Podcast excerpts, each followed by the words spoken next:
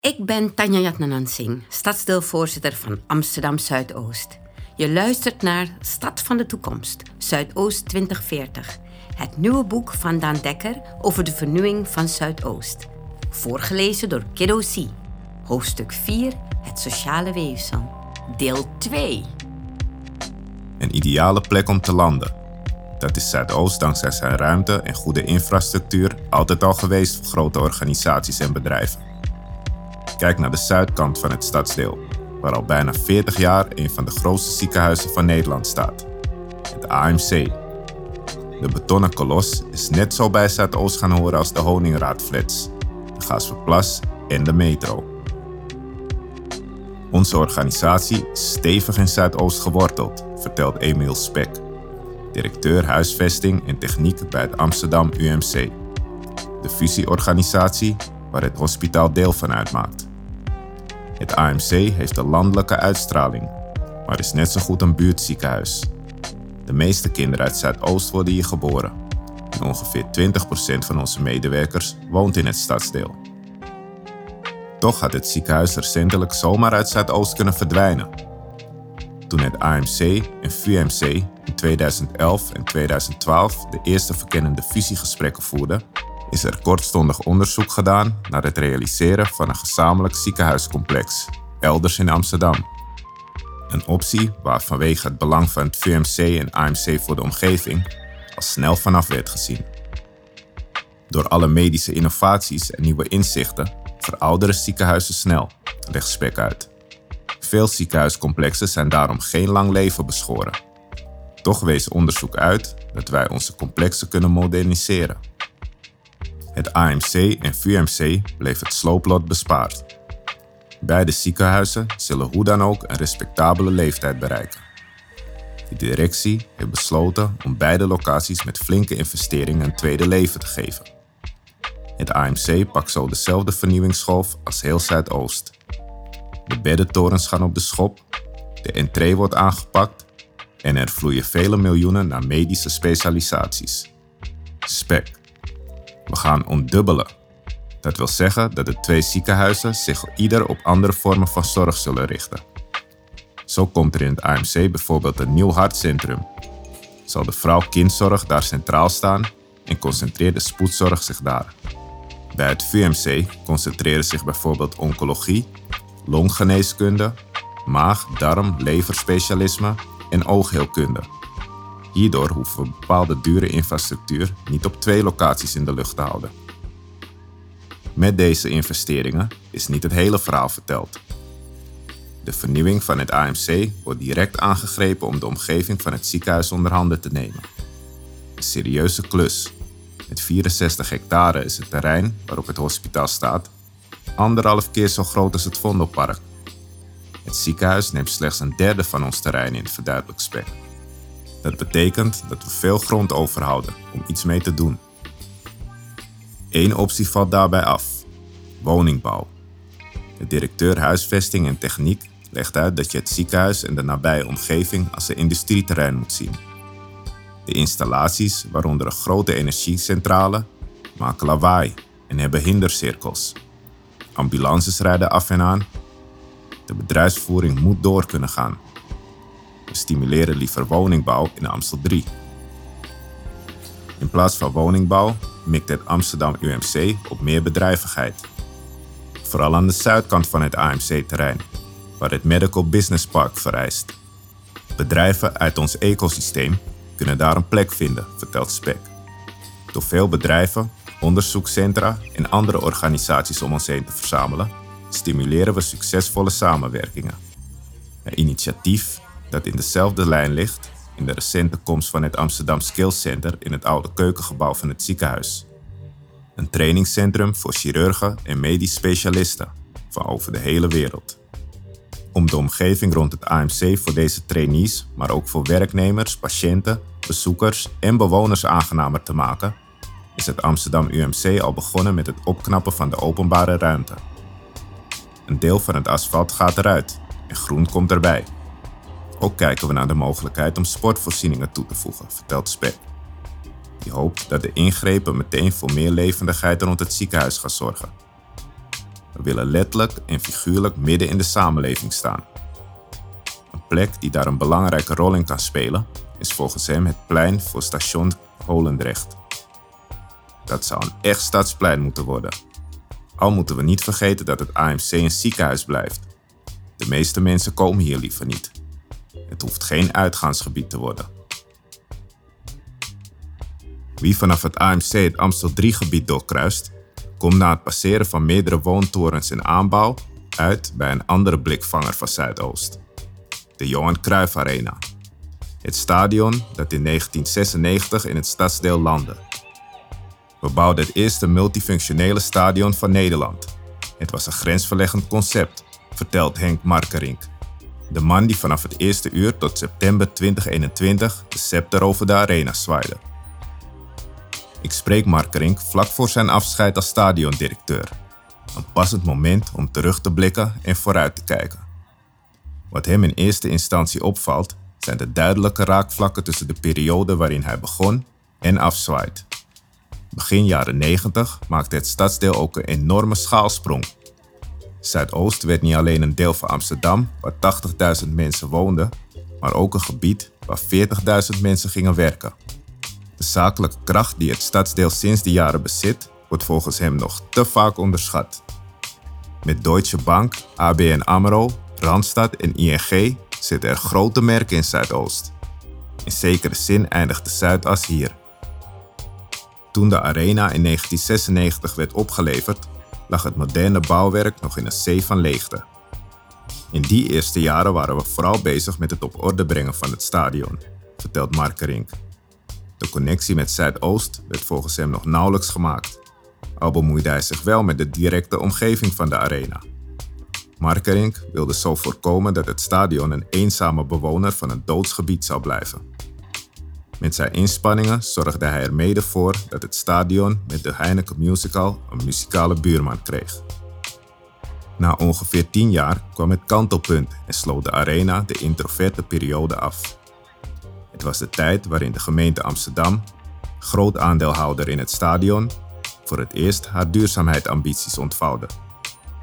We hebben toen besloten om van de arena een showroom voor de stad te maken, vertelt Markerink. Mede door het dak vol te leggen met 7000 vierkante meter aan zonnepanelen en een enorme batterij te bouwen, werd het stadion energie-neutraal. Een showroom is de arena altijd gebleven. Sinds 2014 zit er in het stadion een innovatielab, waar bedrijven en organisaties de kans krijgen om diverse technologische toepassingen uit te testen. We willen de komende decennia een voorloper blijven, een living lab, aldus Mark Rink die met voorbeelden van innovatie komt. Hij vertelt over de proef waarbij stewards een camera op hun schouder dragen. Met de camera worden gedragspatronen geregistreerd. Door veel data te verzamelen, krijgen die patronen een voorspellende waarde. Daardoor kun je anticiperen op ongeregeldheden of andere gebeurtenissen. Een ander voorbeeld van vernieuwing is de biovergister die naast de arena is gebouwd. Door heel Zuidoost, van markten tot bedrijfskantines, wordt organisch afval ingezameld dat in de vergister gaat en zo wordt omgezet in energie voor de omgeving en meststoffen voor de grasmat van het stadion. De arena speelt zo een belangrijke rol in de energietransitie van Zuidoost. Pas volgens Markering bij de houding die de arena na de eerste introverte jaren heeft aangenomen. Niet lullen, maar doen. We hebben Zuidoost de afgelopen jaren op veel vlakken een boost gegeven. Door onze betrokkenheid bij de totstandkoming van het entertainmentcluster rond het stadion, als mede-initiator van het Duizend Banenplan, waarmee mensen uit Zuidoost aan werk worden geholpen, als een van de karttrekkers van het masterplan. Het zijn activiteiten waar Markering trots op is. Al blijft onze kerntaak ontmoeting, benadrukt hij. Als de coronacrisis iets heeft uitgewezen, dan is het dat mensen elkaar graag treffen hij omschrijft de arena als een kathedraal van de 21ste eeuw. We zijn een meetingplaza en moeten dat blijven, ook voor mensen uit Zuidoost. Hij erkent dat op dat laatste punt nog veel valt te verbeteren. De veel bewoners van het stadsdeel zijn nog nooit in de arena geweest. Daar moeten we mee aan de slag. Dat kan volgens hem door goed over de programmering, maar ook over de betaalbaarheid na te denken. Ook zou Markering graag zien dat bezoekers van buiten Zuidoost langer in het stadsdeel blijven. Daarvoor moet er volgens hem meer in de omgeving te doen zijn. Als je mensen een hele dag of weekend in Zuidoost wil houden, moet je ze meer bieden dan alleen een wedstrijd van Ajax. Nu is er bijvoorbeeld geen clubscene. Daarom moeten bezoekers naar de binnenstad. Markering begint daarna over een museum waar volgens hem in het arenagebied plek voor moet worden gemaakt. Over een theater waarmee het gebied helemaal compleet zal zijn. Over de in zijn ogen stedenbouwkundige armoede waaronder de arena mee moet worden afgerekend. Het zijn de wensen van een afzwaaiend stadiondirecteur die een kleine 30 jaar de rol van aanjager op zich nam. Nu is het aan anderen om het stokje over te nemen. Een van de kantoren die symbool staan voor de schaalsprong die Zuidoost decennia geleden maakte, ligt aan de Foppinga Dreef, vlakbij station Amsterdam Bijlmer Arena. Het is een gebouw dat onder werknemers bekend staat als de FOP of het Badhuis, een verwijzing naar de vele witte tegels op de gevel. In 1987 opende het kantoor zijn deuren. De ABN AMRO Bank verruilde daarmee het centrum van Amsterdam voor Zuidoost. Ruim 30 jaar later lijkt de geschiedenis zich te herhalen, al is het script net even anders. De AMRO Bank fuseerde in 1991 met ABN, waarna het kantoor aan de Foppinga dreef al snel veranderde in een dependance van een hoofdkantoor op de Zuidas. Tot 30 november 2020. ABN AMRO ontvouwde die dag bij monden van topman Robert Zwaak de toekomstplannen van de bank en maakte bekend dat een groot deel van het kantoor op de Zuidas in de verkoop gaat. De focus wordt verlegd naar Zuidoost. Met 6500 werkplekken voor 11.000 werknemers is de FOP straks het kloppende hart van ABN AMRO. Het kantoor aan de Foppinga Dreef wordt een voorbeeld van hoe we in de toekomst werken, vertelt Dick Lussing, die namens de bank verantwoordelijk is voor de transformatie van het pand. Hij legt uit dat 80% van het gebouw nu nog bestaat uit werkplekken en 20% uit ontmoetingsplekken. Straks zijn die percentages omgedraaid. Een flinke verbouwing is daarvoor nodig. Tot 2025 zullen werklui met zwaar materiaal in en rond het kantoor bezig zijn. De oude FOP is volgens Lussing een kind van zijn tijd. In de jaren 80 bestonden kantoren uit veel kleine ruimtes. Daar willen we compleet mee breken. Hij schetst hoe het verbouwde complex er straks uitziet. De begane grond die helemaal open wordt. De 12.000 vierkante meter aan zonnepanelen op het dak die er mede voor zorgen dat het energieverbruik beyond Paris-proof zal zijn. De glazen overkappingen tussen de drie torens, waardoor er grote atria ontstaan de ontmoetingsplekken die op de hogere verdiepingen worden gecreëerd. Denk aan informele hoekjes, vergaderruimtes, maar ook schommels die naast elkaar hangen. Een parallel met de vernieuwing van Zuidoost is er ontegenzeggelijk. Ook in de FOP worden einden gemaakt aan de strikte scheiding van functies. Het draait straks op alle verdiepingen om ontmoeten, al dus Lussing. Wil je als werknemer geconcentreerd werken, dan kun je dat beter thuis doen de programmamanager, hoopt dat met de verbouwing van het kantoor ook de harde scheiding tussen het bankgebouw en de omliggende buurten wordt geslecht. Want dat er een kloof is, zal Lussing niet ontkennen. Dat komt volgens hem deels door de buitenkant van de FOP. Er staat nu een hek omheen. Dat moet weg. Daarnaast komt er openbaar groen om het kantoor en willen we samen met de gemeente een fiets- en wandelroute over het terrein laten lopen. Het zijn zinnige ingrepen maar daar blijft het volgens Lussing niet bij. Ook op sociaal gebied wil ABN AMRO toenadering tot Zuidoost zoeken. Lussing vertelt over de foundation waarmee de bank meer buurtinitiatieven uit het staddeel gaat ondersteunen. Over het creëren van stageplekken voor jongeren uit Zuidoost. Over de leveranciers die een deel van hun personeel in het stadsdeel moeten werven. Over de begane grond waar buurtbewoners welkom zijn om koffie te drinken of de kunstcollectie te bewonderen. Op papier ziet het er mooi uit, al is Lussing realistisch. Buurtbewoners zullen echt niet zomaar bij ons naar binnen lopen als wij niks organiseren.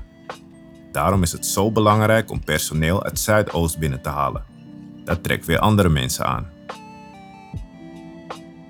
De behoefte om de blik naar buiten te richten zie ik in Zuidoost niet alleen bij ABN AMRO, maar tref ik ook bij twee onderwijsinstellingen die zich aan de andere kant van de Amsterdamse poort hebben genesteld. de Hogeschool van Amsterdam en het ROC.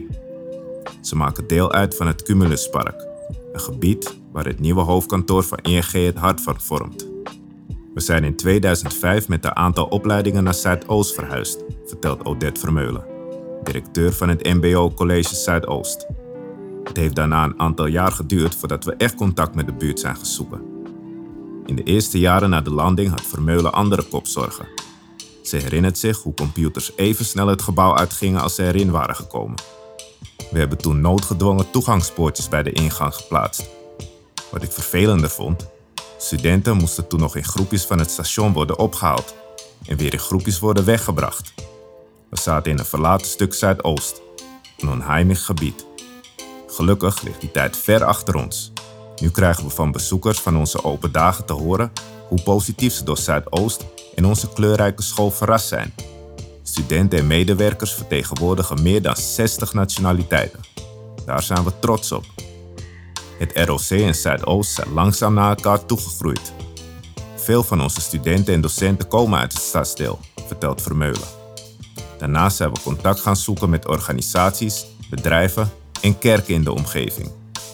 Als ze ruimte zoeken voor grote bijeenkomsten, weten ze ons inmiddels te vinden. In het weekend openen we onze deuren voor zo'n 150 leerlingen uit het voortgezet onderwijs. Dan organiseert ons weekendcollege een samenwerking tussen ons en het stadsdeel, huiswerkbegeleiding, maar ook leuke culturele uitstapjes. Dat helpt de jongeren echt. Ook beschikt het MBO-college over een gratis servicebalie. Als bewoners bijvoorbeeld problemen hebben met hun laptop of telefoon, kunnen ze langskomen. Voor onze studenten zijn het mooie opdrachten. De Hogeschool van Amsterdam maakte in Zuidoost een vergelijkbare ontwikkeling als het ROC door. De onderwijsinstelling landde in 2004 in het stadsdeel, maar kreeg pas echt oog voor haar omgeving toen de vestiging in Zuidoost tussen 2018 en 2020 werd verbouwd tot de eigen tijdse campus. Aan de Vrijlema Borg wilden we de studenten, net als op de Amstel campus, een fijne plek bieden, vertelt Angelica Baltus, campusontwikkelaar bij de HVA. Om dat doel te bereiken hebben we het pand flink gemoderniseerd, waarna de blik automatisch naar buiten ging.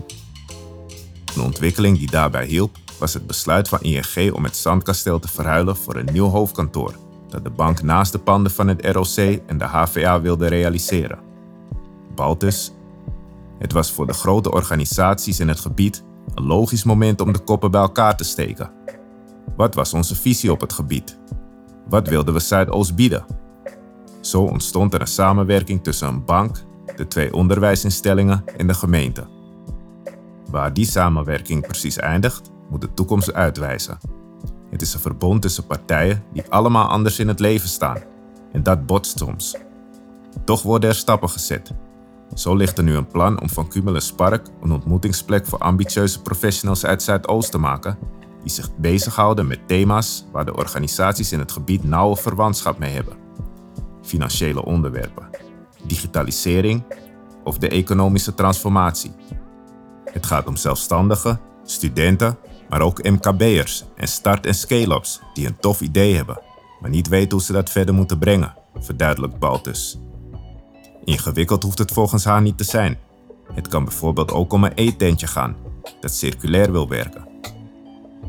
De initiatiefnemers die zich melden kunnen op Cumulus Park een werkplek krijgen en worden begeleid. We kijken hoe de ondernemer een volgende stap kan zetten.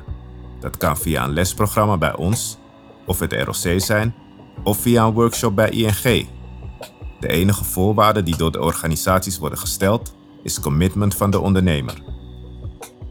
Dat Cumulus Park een plek van ontmoeting wordt, moet je volgens Vermeulen en Baltus ook buiten gaan voelen. Nu is het nog een winderig gebied, waar mensen graag zo snel mogelijk weg willen, vertelt Baltus die net als Vermeulen kansen ziet. De laatste.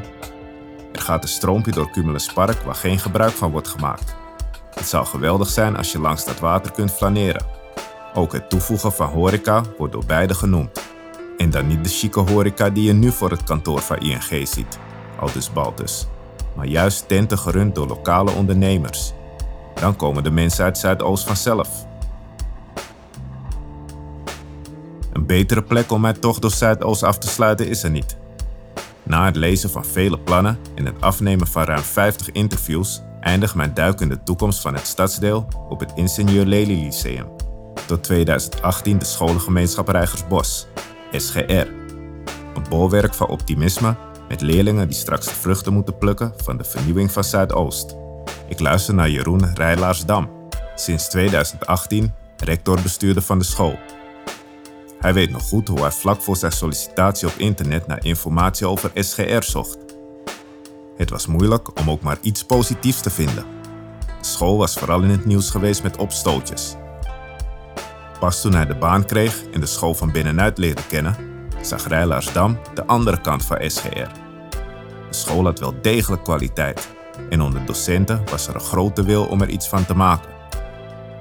Die wil was volgens de rector alleen wel gekoppeld aan te veel bescheidenheid. We zijn maar Rijgersbos, zo stonden veel medewerkers erin. Rijlaarsdam was het omgekeerde gewend. Hij werkte eerder op onder andere het Trinitas Gymnasium in Almere en het Vossius Gymnasium in Amsterdam Zuid. Op beide scholen voerde trots en assertiviteit de boventoon. In Rijgersbos moesten we het Calimero-complex van ons afschudden, vertelt hij. Het was tijd om de lat hoger te leggen en met zelfvertrouwen naar buiten te treden. Een van de eerste interventies van het nieuwe bestuur. De school van een nieuwe naam voorzien en daar meteen een fris logo aan koppelen. Het was volgens Rijlaarsdam pure noodzaak. Toen ik kwam stond 30% van de school leeg en nam het aantal HAVO-VWO-leerlingen snel af. Als we niets zouden doen, konden we de deuren sluiten. Ook op andere vlakken pakte Rijlaarsdam door. Het Lely Lyceum ging zich profileren als een school waar leerlingen zich tot op het hoogste niveau kunnen doorontwikkelen. Als leerlingen tegenwoordig een MAVO-HAVO-advies krijgen, gaan ze naar de HAVO. Daarnaast kregen oud-leerlingen als schrijver Moerad Isik, presentator Defano Holwijn en voetballer Quincy Menig met een portret een prominente plek in het schoolgebouw. Dat zijn de voorbeelden die de huidige generatie moeten inspireren, vertelt Rijlaarsdam, die ook contact zocht met klassicus Corano Bigiman. Samen zorgden ze ervoor dat het Lely Lyceum de eerste school in Zuidoost werd waar leerlingen gymnasiumonderwijs kunnen volgen. Waarna nog een technasiumvleugel volgde, zodat ook de ontwerpers van de toekomst zich kunnen ontwikkelen. Rijlaarsdam. We hebben er flink voor moeten investeren maar juist op plekken waar niet iedereen in een gespreid bedje wordt geboren, moet je voor het beste gaan. Het betekent ook vertrouwen uitstralen. Wij zijn de beste. De aanpak van de rector werkt.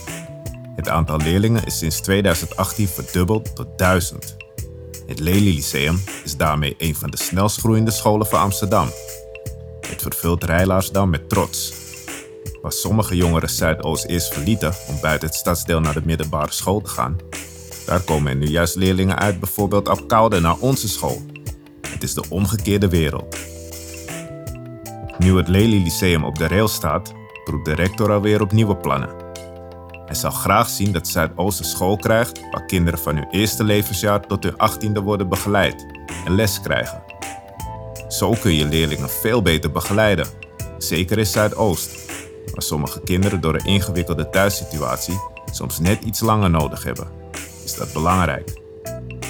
Nu zie je dat de kennis die door basisscholen over een leerling wordt opgebouwd, weer verloren gaat als ze naar de middelbare school gaan. Het liefst zou Rijlaarsdam zo'n brede school laten landen in de nieuwe kern. Daarover is hij nu in gesprek met het OSB en Sonova, twee andere schoolbesturen in Zuidoost. Zo'n vernieuwend concept onder de rook van de arena, het lijkt me prachtig. Wat ik helemaal mooi vind, het kan een plek van kruisbestuivingen worden. School waar het relatief homogene ouder Amstel en superdiverse Zuidoost bij elkaar komen. Het is precies waar we naartoe moeten. Je luisterde naar hoofdstuk 4, deel 2 van Stad van de Toekomst Zuidoost 2040.